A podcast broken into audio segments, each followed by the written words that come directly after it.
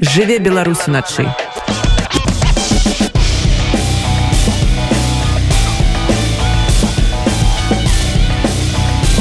Беларускія ноцы. Іван Саванович каля мікрафона Дамініка Боч за гукарэжысерскім пультам. Пачынаем беларускую ноч на хвалях радыё УНэт. Бліжэйшую гадзіну пагаворым пра асноўныя падзеі гэтага тыдня. Пачнем з агляду сітуацыі на фронте ва ўкраіне. Пасля адводу расійскіх войскаў з херсону інтэнсіўныя баявыя дзеянні захоўваюцца ў асноўным на бахмуцкім напрамку. Зараз найбольшую інтэнсіўнасць набыла вайна ў паветры. Падрабязней у аглядзе. Linia frontu. Radio UNED. 15 лістапада Росія нанесла адзін з самых буйных за ўсю гісторыю удараў крылатымі ракетамі па ўкраіне. Па ўжо склаўшыся ў пуцінскіх вайскоўцаў традыцыі гэта адбылося ў той час, калі ў Киеве праходзіла важная сустрэча міжнароднага ўзроўню. А менавіта дырэктар ЦРУ Билл Бернс, які днём раней сустракаўся з кіраўніком ФСБ Сергеем Нарышкіным у Анкары, сустракаўся з прэзідэнтам Украіны Владимиром Зяленскім у Киеве. Для нанясення удараў выкарыстоўваліся бамбавікі ту-95 МС і ту-160 з трох розных авіапалкоў. Былі выпушчаны крылатыя ракеты Х-101 і Х-555. Верагодней за ўсё з раёна каспійскага мора. Гэты кірунак часцей за ўсё выкарыстоўваецца для нанясення удараў. Таксама верагодна былі задзейнічаныя два-тры баявыя караблі чарнаморскага флота з крылатымі ракетамі калібр. Варта нагадаць, што як і раней перасоўванне расійскай стратэгічнай авіяцыі караблёў адсочваецца спецслужбамі НАТО. Дзякуючы гэтаму сістэмы супрацьпаветранай абароны ўкраіны былі прыведзены ў баявую гатоўнасць, задоўга да таго, як па ўсёй краіне прагучалі сірэны паветранай трывогі. Маштабы атакі відавочна былі накіраваныя на прыгнечанне ўкраінскіх сістэм супрацьпаветранай абароны. Аднак гэты удар развіваўся настолькі павольна, што пераадолець сістэму супрацьпаветранай абароны ўкраіны не атрымалася. Ракетны удар па ўкраіне расцягнуўся амаль на дзве гадзіны, што дало дастаткова часу для выяўлення і перахопу большасці ракет. Па дадзеных афіцыйнага Киева з 77 крылатых ракет 12 беспілотнікаў і высокадакладных боепрыпасаў расійскай і іранскай вытворчасці, а таксама 6 зенітных ракет, якія былі ўжытыя па наземных аб'ектах, было збіта да 73 ракет і 10 беспілотнікаў. Агульны кошт знішчаных расійскіх сродкаў паражэння можа дасягаць мільярда даляраў ЗША. Усяго расійскія войскі нанеслі удар па 15 аб'ектах, нанёсшы дастаткова сур'ёзны ўрон энергасістэме на захадзе ўкраіны, а таксама ў цэнтры і на паўночным усходзе. Як паведамлялі украінскія ўлады, больш за 7 мільёнаў абанентаў па ўсёй краіне засталіся без электраэнергіі, ацяплення і вады раніцай 16 лістапада расійскія войскі як паведамляецца паўторна атакавалі шэраг аб'ектаў у львоўскай вобласці. На гэты раз украінцы заявілі аб збіцці большасці ракет але не ўдакладнілі іх колькасць. Тыя ж ракеты якія ўсё ж таки прабіліся праз супрацьпаветраную абарону ўкраіны ўразілі энергетычную інфраструктуру адключыўшы электразабеспячэнне большай часткі львова і яшчэ некалькіх населеных пунктаў таксама раніцай 17 лістапада паступалі паведамленні аб ударах расійскай авіяцыі з кіўскай харкаўскай і адэскай абласцей. Пакуль украінскі бок паведаміў аб адным трапленні ў аб'ект інфраструктуры ў адэсе а таксама аб збіцці дзвюх беспілотнікаў шахет 136 лінія фронту. Радыё унет Вяртаючыся да тэмы вызвалення херсону 14 лістапада прэзідэнт Украіны Владзімир Зяленскі ўзнагародзіў ваяру, якія змагаліся за вызваленне гораду ад расійскіх захопнікаў. Сярод ушанаваных быў і беларускі добраахвотнік з батальёну тэрор з пазыўным цёмна-вельможны пан. Для нашага радыё прэс-служба батальёну ўзяла каментар у героя, які атрымаў ордэн Богдана хмельніцкага трэцяй ступені.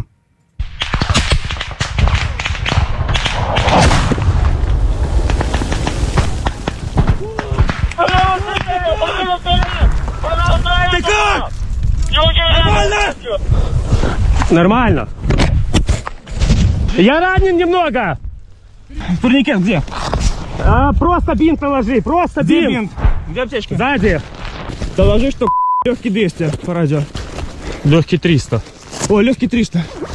Гэта была аперацыя по захвату пазіцыі ворага гэта адбывалася на херсоншчыны на каля вёсак безымянная ось і ў гэтай у гэтай сітуацыі мы потрапілі под плотны агонь танкаў і ось каля аднаго а, аднаго з наших хлопцаў блізка дзесь там у 5 метрах ад яго узарваўся аскепкавы снаряд ад танка. Ось і ён цудам застаўся жывым і толькі аскепак у руку яму папаў. і рэакцыя ўвогуле яго на ўсё гэта як вы чуеце была такая ну ён не панікаваў ён так ну, прыляцела і прыляцела не сказал что ну, все добра я лёгкі я нават парамедык который быў побач ён трохі не тое сказать что спужаўся но ён такі быў шоцы тому что ну до до до досыць вельмі блізка прыляцела ну, прыляцеў вось гэты снаряд і таму ён пераблытаў ён сказаў лёгкі 200 лёгкі 200 это означае что лёгкі 200 гэта ну вы разумееце что груз 200 то есть лёг, лёгкі умерший і ён сам ну ранены яго паправіў что ну я лёгкі 300 і зараз уже вось ён потрапіў у шпіталі і пасля шпіталю зараз ён уже павярнуўся ў строй. у ну аднак яшчэ там трохі далечваецца но уже раз. Жыве беларусь уначы пожадаем нашим байцам і ўсім хто сёння абараняе украіну поспехаў і абавязкова вярнуцца з вайны жывымі і здаровымі. І вядома перамагчы агрэсара. А мы вернемся да спраў за лініяй фронту а менавіта ў жыцці палітычным. Вось ужо мінула 100 дзён ад пачатку працы аб'яднанага пераходнага кабінета дэмакратычных сіл беларусі. 17 лістапада кабінет прадставіў першую справаздачу дзе кожны з міністраў апісаў свае дасягненні на пасадзе. Прадстаўнік кабінета па міжнародных пытаннях пытаннях валер кавалеўскі пракаментаваў маёй калезе алене прыходзька некаторыя пункты падрабязней Ну, конечно трэба сказаць что гэта былі непростыя тры месяцы працы бо мы фактычна пачынаем з нуля. У адрозненне ад звычайных урадаў калі прыходзяць новыя людзі ўжо на распрацаванае месца на распрацаваныя кірункі дзе ёсць ресурсы ёсць працэдуры ёсць каманды нам все гэта трэба фактычна ствараць з нуля Таму пэўны прагрэс ёсць, але трэба зрабіць значна больш яшчэ для того, каб гэта працавала напоўніцу, каб гэта давала ну, сапраўдны такі стосоткавы эфект. Ну але тым не менш праца рабілася, вельмі шмат было зроблена, я б сказаў на ўсіх кірунках. Ну што казаць пра міжнародную працу, то я б выдзеліў тут чатыры такія накірункі.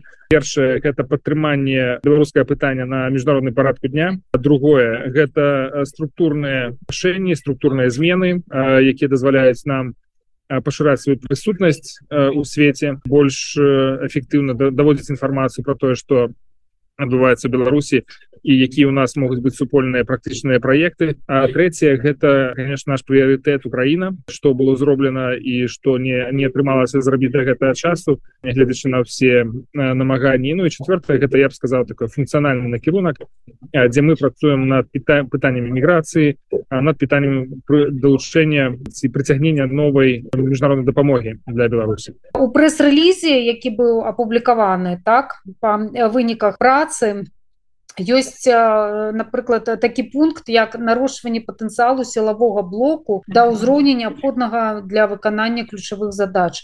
Ось гэта нарошванне патэнцыялу сілавога блоку якім чынам вы бачыць ну, хто гэтыя людзі якія будуць да гэтага блока далучацца і хто гэтыя людзі якія будуць гэты блок фармаваць і утрымліваць Так ну я тут э, все ж таки буду говорить про той про ту працу якую я вёл менавіта на гэтым кірунку. І тут я бы адзначу два таких пункта. Першае гэта дапамога добраахвотнікам. Беларускім прыцягнення новой дапамогі это тое что мы спрабуем рабіць уже давно але перайшло і ў кабінет. Гэта гэтая справа.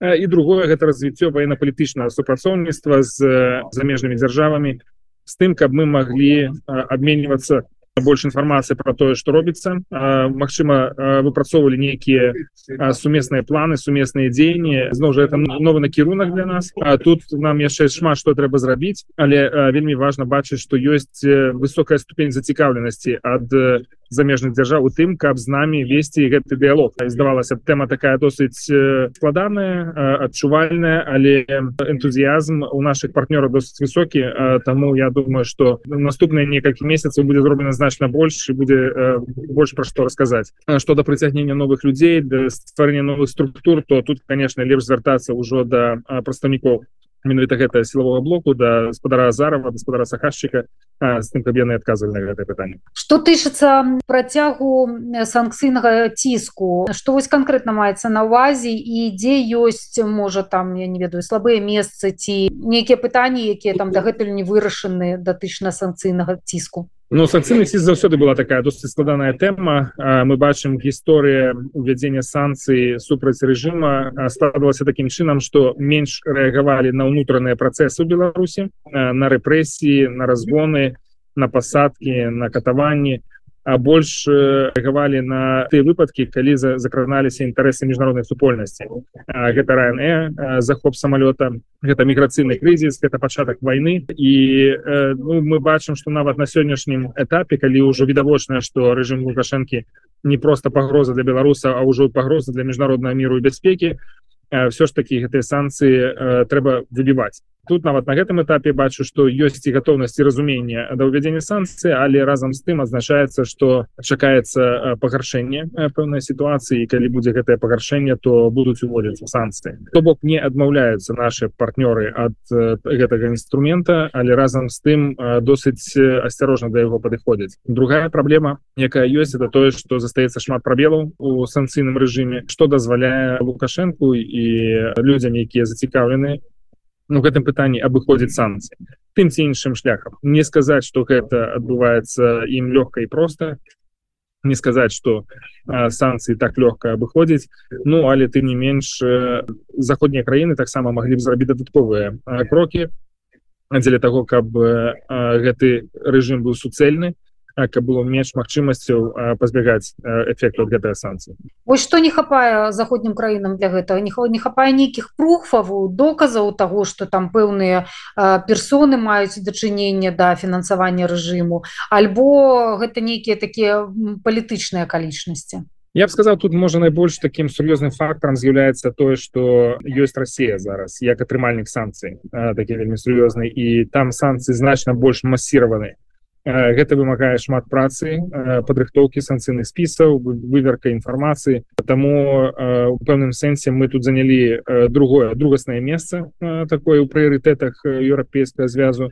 Ім складанне на нас адводзіць гэтыя ресурсы бо вся увага на Россию як на, на галоўнага агрэсара у вайне супраць Украіны. Таму тут ёсць і такі аспект что ну насамрэч не заўсёды хапае час на нас яшчэ один пункт заяўленых это прызначение прадстаўніка по фінансах і эканоміцы і прадстаўніка по сацыяльных пытаннях. Вось пашлі пасля такой не вельмі прыгожай гісторыі з татянай зарэцкай. Ці ёсць зараз пэўная кандыдатура і ці змянілі вы падыход да пошуку кандыдатур і праверки Я б сказал так что зараз пошук вядзецца. Шукаем кандыдатаў по сацыяльных пытаннях ёсць кандыдатура пакуль я не могу і гэтую гэта імя назваць то да протоколаў проверки процедуры падыходу до того як мы будем выбирать человека то я б сказал что ну неких прынцыповых зменаў у нас не будзе у тым як мы будем адбіраць людзей. Конечно будем як і раней пільна падыходзіць да, да інфармацыі про людзей будем збіраць некія рэкамендацыі то можа параіць человека что мог хто можа сказать прынцыпе гэтая праца мусіць весціся так больш глыбока і пільна. Той час калі фармаваўся только кабінет калі мы запрашалі татяну зарэцкую то ну была такая тэрміновасць у гэтым пытанні. Таму некаторы рашэнне прыйшлося прымаць хутка зноў жа як развівалася далей сітуацыя і як як праводзілася праверка як далей развівалася сітуацыя з татянай зарэцкай гэта не абавязкова звязаныя рэчы і такі свой асаблівы профіль тое што яна прадпрымальніца што є свой бізнес є свае актывы ёсць свае ёсць дадатковыя інтарэсы Магчыма у гэтым сэнсе гэта мы будзем улічваць каб у чалавека былі больш вольныя руки больш больш часу на тое каб аддаваць яго кабінету і і разам з тым каб не былі нейкія інтарэсы якія ствараюць пэўную уразлівасць для чалавека які ну фактычна кідае выклік дыктатуры і гэтымі уразлівасці могуць карыстацца менавіта людзі ад рэжыма пошук крыніц устойлівага фінансавання фінансавання дзейнасці кабінетаў. Что зараз з фінансаваннем дзейнасці кабінета я маю на увазе ці з'яўляецца яно не таким устойлівым і что гэта за граніцы ну прынамсі з таго что можна распавесці могу сказать что пакуль мы карыстаемся тымі ресурсами якія ну принеслі кожная з організацый до да, до кабінета на гэта і офіс Светланы ціхановскай гэта народна антыкрысное кіраванне гэта і байпол. Працягваем пошук дзеля того каб ўсё ж таки быў бюджет самастойным каб ён быў поўным каб мы могли фармаваць свае команды так як мы гэта запланавалі. У працы з Тацянай зарэцкай это была праведзена вельмі важная праца дзе мы вызначыліся з бюджэтамі по накірунках.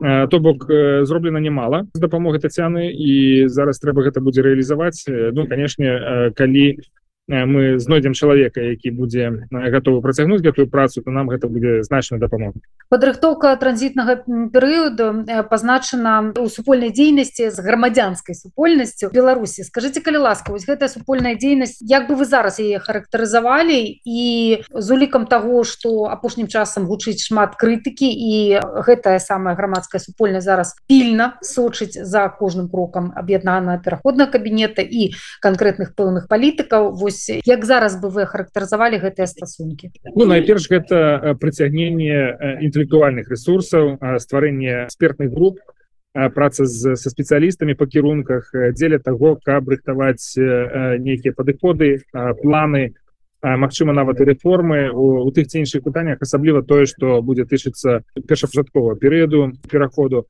У гэтым сэнсе вельмі важна стварэнне контактнай групы пры радзе Еўропы якая ўабрала ў сябе сем прадстаўнікоў грамадзянскай супольнасці з 10 чалавек і три чалавека палітычных структур то бок гэта будзе таксама тое месца дзе мы можам абмяркоўваць тыя праграмы проекты якія нам будуць дапамагаць рыхтавацца да пабудовы новой беларусі.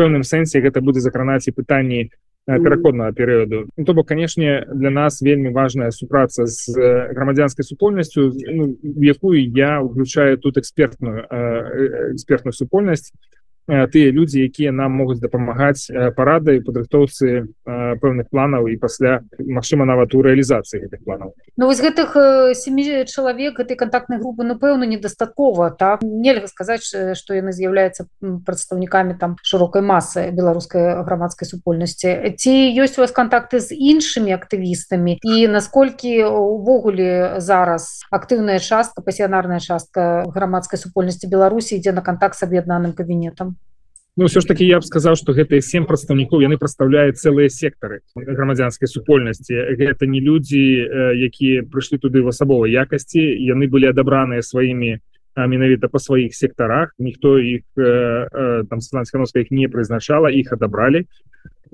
самыя ад саміх сабе таму яны у пэўным сэнсе з'яўляюцца прадстаўнікамі гэтых сектараў і я бы ну, ні в якім разе тут не не прымяншаў іх значнасць другі такі орган структура які вот зараз перараджаецца гэта будзе каардынцыйная рада якая таксама будзе месцам для того каб сабраць актывістаў лепшых спецыялістаў по кірунках якія ўжо супольна будуць таксама весці працу по абмеркаванні прыоритетаў выпрацоўцы стратэгій нейкіх стратэгічных падыходаў да і да транзітнага перыяду і да сённяшняй сітуацыі і магчыма да будучага Таму я б сказаў что зараз грамадзянская супольнасць як мінімум не губляе сваіх пазіцый А больш за то я думаю что іх голас будзе гучаць гучней ён будзе больш заўважным і, і гэта менавіта да, да таго тое да чаго мы імкнемся каб грамадзянская супольнасць была больш актыўнай брала больш на сябе адказнасці сам кабінет гэта тое месца якое мусіць аб'ядноўваць па сваіх кірунках это тое да чаго нам яшчэ трэба прыйсці каб пры кожным прадстаўніку былі створаныя такія адпаведныя такія ініцыятыўныя групы які з якімі можна было б абмяркоўваць пэўныя ідэі ініцыятывы атрымліваць крытычны фідбэк менавіта спецыяліста я могу сказаць напрыклад про працу по міжнародных справах гэта вельмі вельмі широкое поле дзе шмат что можна зрабіць. Мы конечно не можем быть ва ўсіх месцах адначасова і у гэтым сэнсе будзе вельмі добра калі створыцца такая група працоўная по знешняй палітыцы якой я змог бы атрымліваць неабходную неабходны зваротную сувязь і ў плане ідэй і ў плане крытыкі і ў плане нейкіх новых прапаноў по тым что мы могли б зрабіць лепш нам можа дзесьці і подбіраць нейкія важные ресурсы першую чаргу чалавечыя ресурсы для того каб працаваць ужо на жыве Беларусь уначы.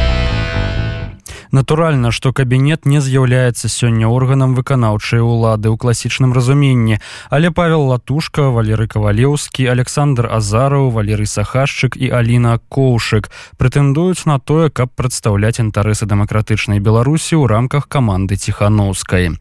Пра дасягненні і правалы аб'яднанага пераходнага кабінету ў першыя 100 дзён працы ў эфіры нашага радыё паразважаў палітолог, аналітык беларускага інстытута стратэгічных даследаванняў Вадзім мажейка. Ну, як стало уже. Модно казаць что с кабінетам лепей чым без кабінета а, але а, мне здаецца квінт патрэбны ў тым сэнсе что ён неяк структуруе палітычнае поле праціўніка лукашэнкі і сацыялізуе бо мне здаецца апошнім часам мы бачылі досыць шмат нейкіх скандалаў і часткова ты скандалы звязаны з тым что не ўсе ввогуле разумеюць А хто тут з кім працуе хто за што адказны ці там ці там чорных кніга беларусі ці уходзіць на там падначальна на прост ціхановскай ці это увогуле незалежная арганізацыя і вы за таких непаразуменняў у тым ліку ствараецца блатаніна ды скандалы і канфлікты у пэўным сэнсе кабінет гэта неяк структуруе і калі глядзець вось на такія афіцыйна пафосна з'яўленыя мэты кабінета там дзе і вызваленне палітвязняў то насамрэч гэтыя мэты канешне выглядаюць хутчэй як такія ведаеш прыгожыя і прынцыпе правільная каштоўнасная дэкларацыі на будучыню хутчэй як візія місія а канешне канкрэтныя працоўныя мэты дзеля чаго ў прынцыпе кабінет ствараўся на мой погляд яны досыць такія значна больш прыземлёныя бо калі мы вернемся да часоў калі ствараўся кабінет у жнівень перад канферэнцыі новой беларусі камусь канферэнцыі кангрэсам як там толькі не было так мы можем узгадаць что гэта быў час вялікіх сварак паміж самымі рознымі з актыўных палітычных актораў не просто нейкіх там фейсбучных сварачак людзей якія прадстаўляюць ну фактычна ніяк самі сабе не маюць ніякай структуры.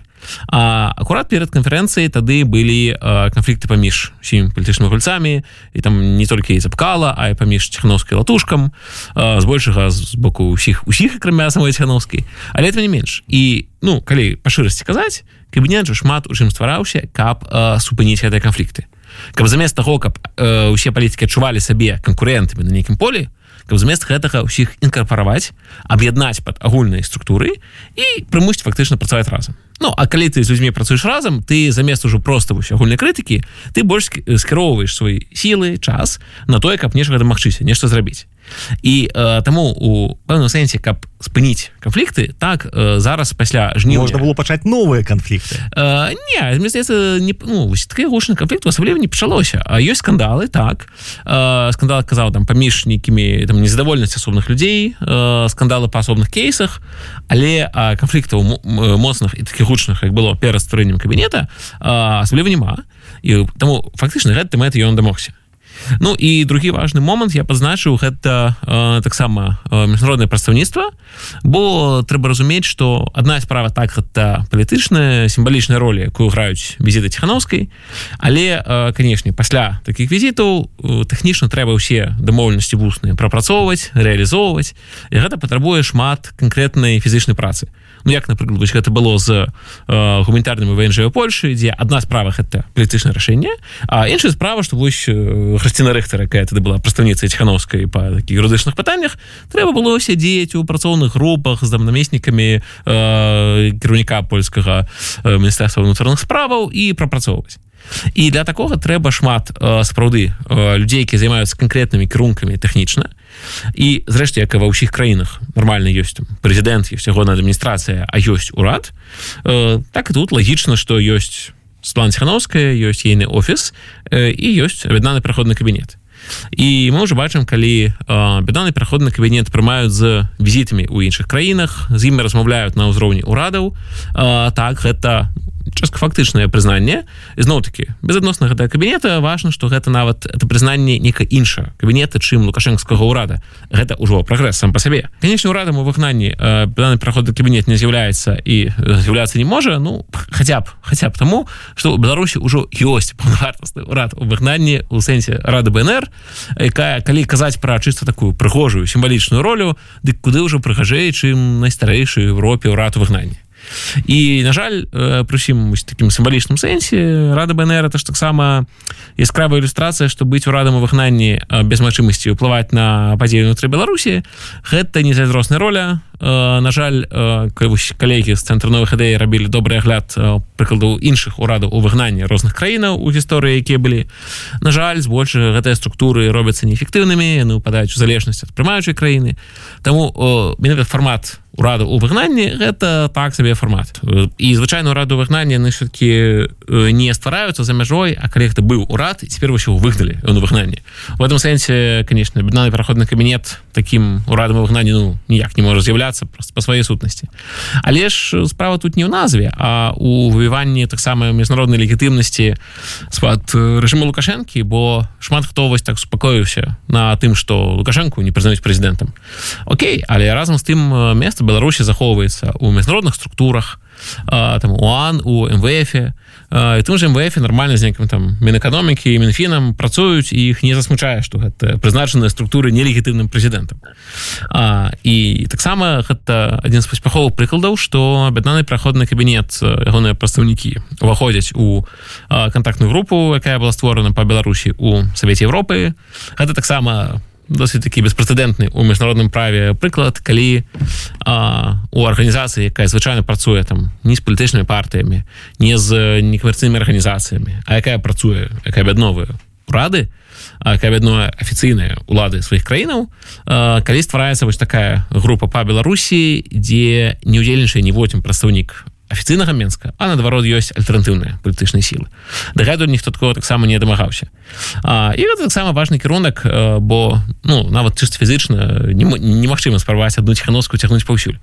Ды і зрэшты калі мы за больш больш нейкай дэмакратычнай працэдуры большы падзел магчымасцяў больше інкарпараванне розных палістычных гульцоў ва ўладу а не толькі кагосьці аднаго то ў гэтым сэнсе таксама добры прыклад калі аб'ядноўваюцца розныя розныя акторы і ўсё ж таки пачынаюць таксама на міжнароднай арэне дзейнічаць такія зарэзка засталась так мне здаецца часткай ввогуле камунікацыйных праблемаў і, і не толькі ў кабінета але і у сланцьхановскай увогуле бо здавалася б здавалася б шмат там крытыкавалі нават ейны офіс за тое што маўляў ён там выбудаваны па прынцыпе не палітычнай структуры а медыйнай а, і шмат людзей якія адказваюць там за камунікацыю за стратэгічную камунікацыю за піяр за прэс-сакратарства там для міжнародных бок шмат людзей быццам гэтым напрамку а ў выніку на жаль шмат спраўды нейкіх камунікацыйных вялікіх недапрацовак і не толькі кей зарэзках ты можа э, нават менш з іх бо там все ж таки найбольш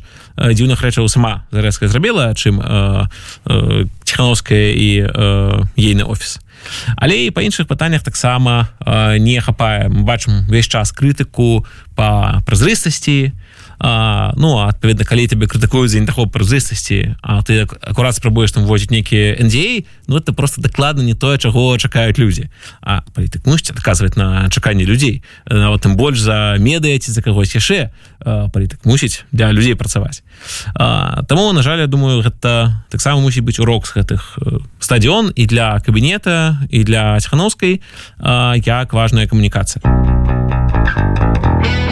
жыве Беларусь уначы.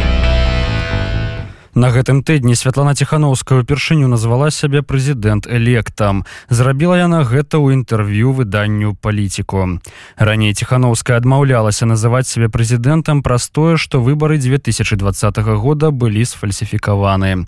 У афіцыйным тэлеграм-канале ціхановскай размясцілі паведамленне у якім патлумачылі чаму менавіта зараз ціхановская вырашыла змяніць палітычны статус.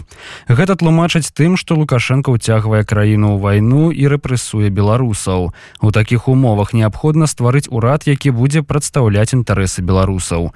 Як мяркуе каманда ціхановскай яна з'яўляецца адзінай прадстаўніцай з мандатам ад беларускага народу.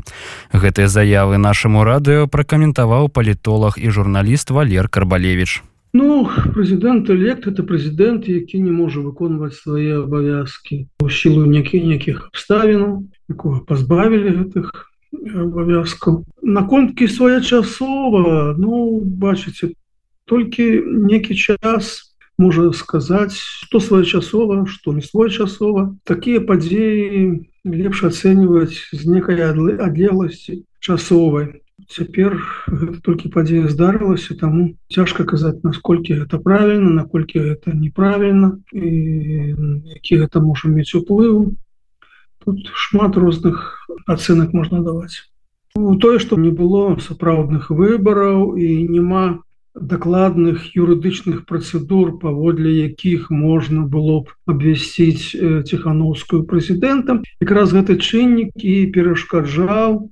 ёй дасюль сябе аб'яўляць прэзідэнтам хаця былі людзі былі палітыкі якія лічылі што гэта трэба рабіць але менавіта вось гэты чыннік не дакладная ясная юрыдычная працэдура не давала магчымасці паводле яе самой ну аб'яўляць себе прэзідэнта ну але бачыце ёсць юрыдычныя фактары ёсць фактары палітычныя. І в дадзеным выпадку я так разумею что палітычныя чыннікі перамаглі і вось з'явілася гэтая гэтая канстатацыя хаця яна яшчэ такая вельмі няпоўная скажем так. Пакуль што Святлана нідзе не подписывается что яна прэзідэнт пока не было працэдуры інаугурацыі там некай клятвы прэзідэнцкай і так далей таму і невядома ці будзе гэта яшчэ. Таму пакуль што гэта такі можа пробны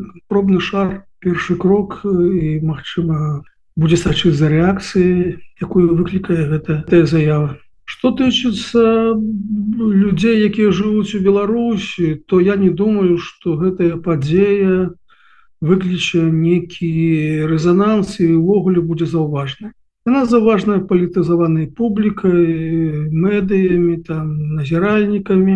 Звычайны чалавек ён і так нават ты якія спачувалі ёй якія былі апанентамі лукашэнкі яны і так лічылі ціхановскую ну чалавекам які паверамог на выбарах і яны лічылі прэзідэнтам не замарочваючыся рознымі так сказать юрыдычнымі акалічнасці Таму для людзей якія жывуць у самой Беларусі наўрад ці гэта будзе падзея і выключа некі рэзананс і павысіць яе палітычную вагу палітычная вага хутчэй выклікаецца залежыць ад таго выніковасці яе дзейнасці Ну а пакуль з выніковасцю казаць пра нейкія вялікія поспехі не выпадае. Таму мне падаецца вось пытанне выніковасці па пытанне ці ёсць вынік будзе больш важным, чым вось гэтая заява пра статус прэзідэнта. Ну не думаю, што гэта выкліча вялікую падвышэнне вагі сяроддзе эміграцыі. Я думаю, што можа наадварот будзе некая крытыка, яна ўжо ёсць сацыяльных сетках. Тут іншае пытанне міжнароднае. Тут таксама я пакуль што не бачу нейкіх значных пераменаў. Тут вельмі шмат будзе залежыць ад наступных дзеянняў Святланы. Я ўжо казаў пра тое, што, што далей паследуе, ці, ці будзе нейкія наступныя крокі там кшталту інаўрацыі, кшталту аб'яўлення да пераходнага каменета ўраду, урадам у выгнанні і іншае. Вось калі нічога гэтага не будзе зроблена, то ад таго ад адной заявы мала што памяняецца. Я, я думаю, што ўсё ж заходнія палітычныя структуры будуць даволі асцярожнымі у гэтым плане. Вось бо былі неудалыя прыклады недаўнія, скажем, у Венесуэле, калі там апанент мадуры гуаду быў прызнаны прэзідэнтам ну а потым з этого нічога не атрымалось Вось таму думаю что все ж таки асцярожнасць будзе пераважаць Ну так можна это лічыць крокамі сапраўды. Але ж этой крокі такія што іх можна рабіць доўга пэўны час.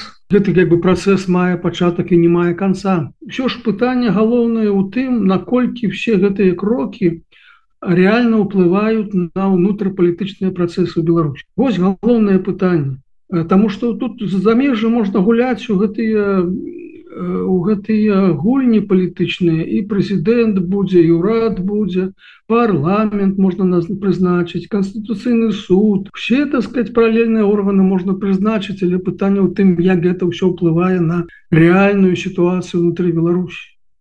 Калі гэта ніяк не ўплывае калі гэта рытуаль віртуальныя некія гульні ну то так некоторые люди ад это Мачыма атрымоўваць задавальненне але што ў сваім астатку? Мусіць некія ёсць інструменты і чыннікі рычагі якія ўплываюць на сітуацыю Беларусі. Але я не бачу што гэтыя рычагі знаходзяцца у руках Святланы Схановскай ці офіса Тхановска ці пераходнага кабінету. Ось гэтых рычагоў пакуль што я не бачу. Чаго ім не хапае? Чаго ім бракуе? Таму што вось як вы трапна заўважылі э, наконт крытыкі. Ну бачыце ёсць некія аб'ектыўныя сітуацыі якія змяніць скажем маларэальна. Сёння ў Беларусі склалася такая сітуацыя на якую паўплываць розныя мігрантскія цэнтры ну скажем могуць толькі мінімальна Таму пытанне не ў тым, што вось яны маглі б нешта зрабіць, а яны не робяць. Я пакуль не бачу нейкіх такіх хадоў, якія б маглі неяк сур'ёзна памяняць сітуацыю ўнутры. Жыве Беларусь начы.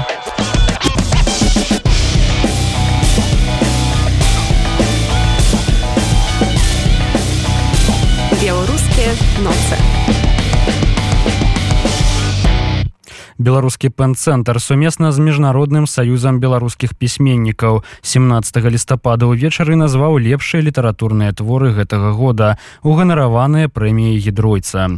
Трэцюю прэмію атрымала кніга валера гапеева женька каралева мышак другое месца дасталося кнізе ольгі гапеевай самота што была ў пакоі насупраць А першую прэмію атрымаў Сергей Абламейка за кнігу ў жанры нон-фікшн з назваю невядомы Менск і гісторыя знікнення кніга першая.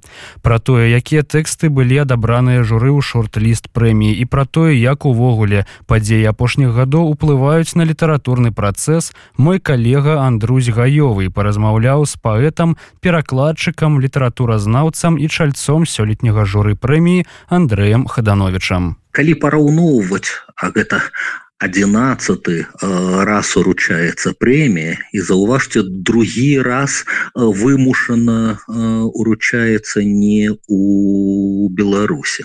Сёлета самы відаць разнастайны і па жанрах і па акалічнасцях паўставання кніг шорт-ліст. Я про гэта казаў э, праз э, зум на цырымоніі. Ну мы уже привыклі э, что формат прэміі гідроіцца спалучае э, фікшн і нон-фікшн так сюжэтныя як бы кнігі кнігі э, документальныя сёлета вельмі характэрна суіснавалі дарослыя кніжкі і дзіцячыя. Звычайна мы так на дзіцячую літаратуру глядзім крышачку паблажліва хоць гэта не меншага майстэрства часам геніальнасці і духов душеўнай працы ад аўтараў.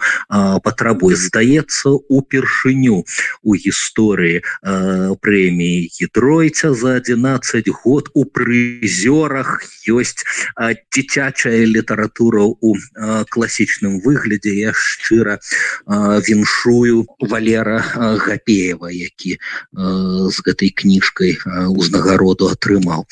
Больш за тое сярод шорт-лістараў таксама ёсць э, кніжкі э, блізкія да, э, да дзіцячай літаратуры э, цалкам збудаваны ў такім жанры як э, як жахалкі напрыклад дзіця дзіцячы падлеткавы хорар э, у якім выступіл Макссім клімкович з сваёй кнігай альбо таксама блізкая жанрова кніга моя школа Ганна северынец что адлюстроўвае ну написанная на богатым матэрыяле нашай знакамітай настаўніцы і грамадской дзеячки з іншага боку як бы зусім зусім іншыя дарослыя кнігі складана арганізаваныя не нелінейныя это значит не з адным сюжэтам с кропки а у кропку бета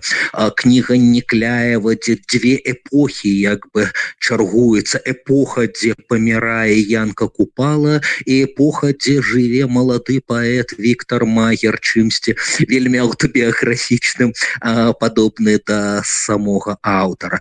Альбо складаны суб'ектыўны свет ольгі гапеевай. Гэта ўсё як бы мастацкія кніжкі. А з іншага боку адзіная нон-фікшн якая ўрэшце рэшт перамагла і здабыла галоўную пэўную ўзнагароду кніга документальная кніга про менск. Фактычна першы том вялікага двухтомніка Сергея абламейкі які з вялікай колькасцю документаў з багатымі фактаграфічнымі ілюстрацыямі дакументуе ну знішчэння ладнай часткі старога старога гораду да? замчышча ніжні рынок і гэтак далей спадар Сергей не просто даследуе як бы дух гораду а, а для яго дарэчы горад гэта, гэта, гэта таксама школа думка якая я думаю что принесла цэнтр галоўная ідэя галоўны тезіс які прынёс Мачыма аўтару любоў журы і прыхільнасць думка про тое что не знішчаны захаваны стары горад не даў бы зрабіць з менскам і беларусю усяго того что з нами адбылося у апошнія десятгоддзя гэтая думка что паветра горада робіць вольным так а гістарычны горад выхоўвае адпаведную павагу да чалавечай асобы еўрапейскіх каштоўнасцяў это вельмі важная думка. Думаю что і, і, і шмат у чым наши фантомныя болі сотен тысяч з'ехаўшых менчукоў да яны дадаюць важкасці гэтай кнізе сёлета. Не як як бы разважалі журы у мірныя часы і больш і больш комфортных умовах. Але як бы уся шестерка мне здаецца вельмі моцная і нікому не сорамна было б даць перамогу.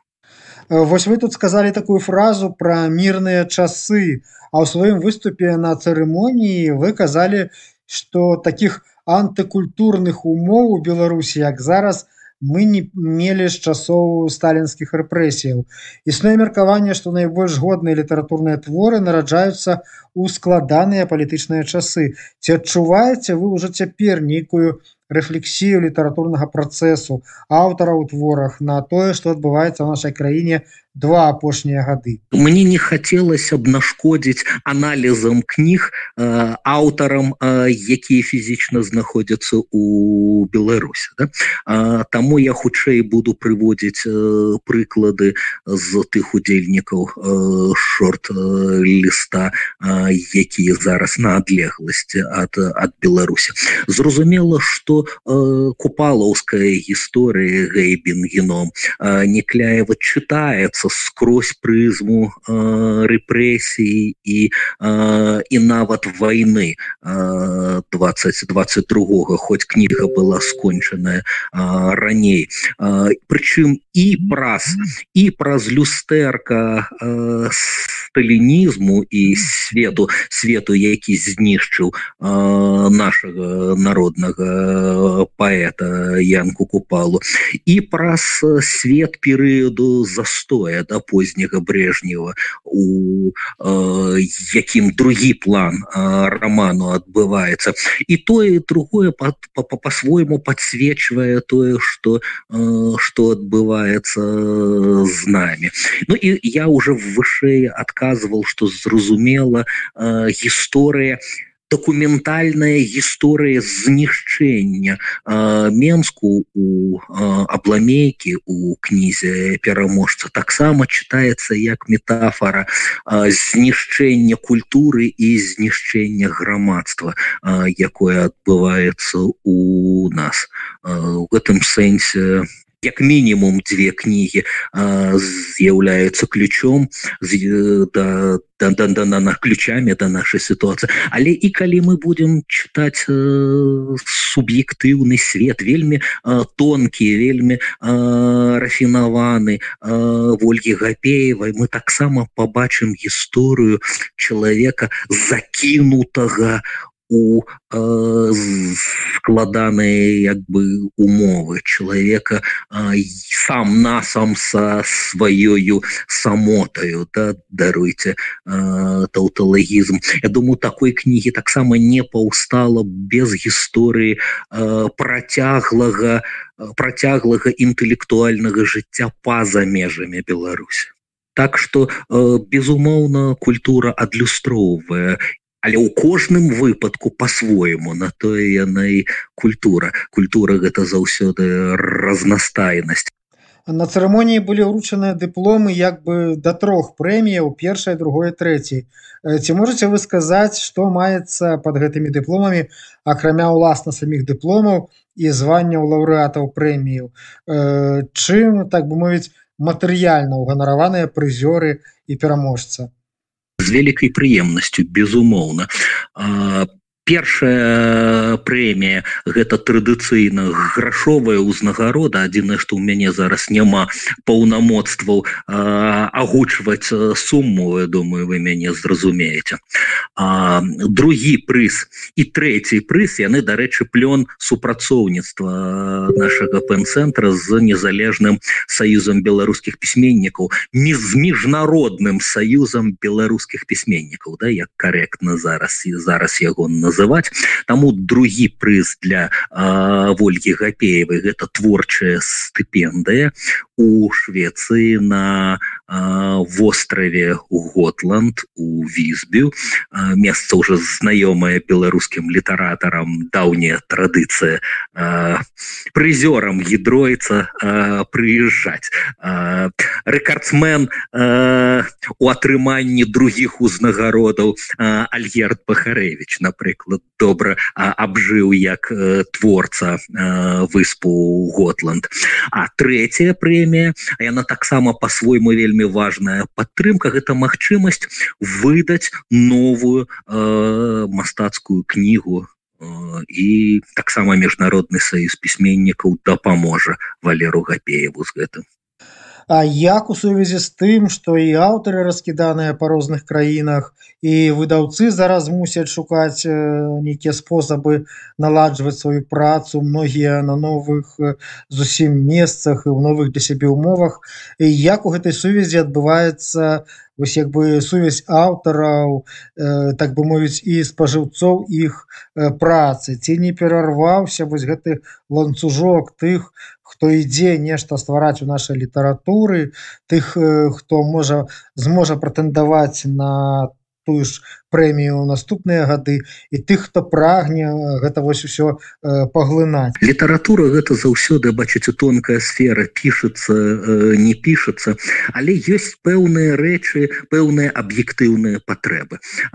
Такія напрыклад ёсць попыт на э, чытанне э, людям якіх э, якім гэтых кнігаў бракуе. Зразумела что наша падзеленасць зараз палітычныя межамі да, на рэжымамі на розныя краіны яна зробіць больш актуальнымі тыя жанры якія лягчэй гэтыя межы у прасторы пераадольваюць. Гэта значыць я дум думаю что поболее з аднаго боку электронных кніжак якія можна а, помпаваць адзінае что можа быть вось сітуацыя донатаў ситуация разумення что культура будзе такой якой мы сабе яе падтрымаем может быть поболее ведаеце больш шанаўлівае стаўленне да інтэрнет-прадукта бо раней такая постсавецкая традыцыя так гэта крыніца піратства і пошук дармовага спампоўвання. Мне чамусьці здаецца что сённяшнія чытачы будуць падтрымліваць і гатовыя на штосьці сімвалічнае нават плаціць да, за за электронныя кнігі. з другого боку гэта усялякія відэа і аўдыо фарматы да, youtube mp3 і гэтак далей. Да, акторскае чытанне аўдыобукаў і гэтак далей. Просто літаратурны э, YouTube якім і э, аўтар гэтых словаў э, займаецца. Гэта ўсё будзе вельмі запатрабавана. Ну і нарэшце безумоўна і папяровыя кніжкі павінны паўставаць друкавацца просто там дзе зараз паўстаюць беларускія асяродкі. Дзе мы по-беларуску заяўляем пра сябе пазначаем сваю як бы сімвалічную Беларусь у свеце дзе мы ёсць нас відаць нас на нас чуваць. Таму не дзіўна што у варшаве напрыклад з'яўляецца выдавецтвам полацкія лабірынты. Э, дзіўнавата так варшава і полаца калі гэта знак сённяшняга часу. Что больш актыўна пачынае выдаваць новыя новыя кніжкі праская маленькое выдавецтва весна да якая дзе з'явіліся напрыклад новыя кнігі альгерда бахарэвича юлії тимофеевой але і мойшы кульбака скажем двухмоўнага альбо зусім зараз песні песня ў біблейскай да у перакладзе Сергея шупы. Альбо тое что Андрей янушкевич опальны рэпрэсаваны наш выдавец выехаў і актывізаваўся чакаем ад яго кніг там дзе ён ёсць у Польшчы. Альбо да недаўняга часу беластоцкі да падляжскі камунікат займаўся выключна інтэрнэт проектамі а зараз пачынае патроху друкаваць альбо перавыдаваць на на паперы. Як вы можете прасачыць паўстаюць кнігі напрыклад у владимира орлова перавыдадзеныя камунікатам альбо кніга аднаго з шорт-лістараў гейбен геном владимира некляева таксама выдадзеная камунікатам все гэта выклікі часу. Я думаю что такога будзе больш жыве беларус уначы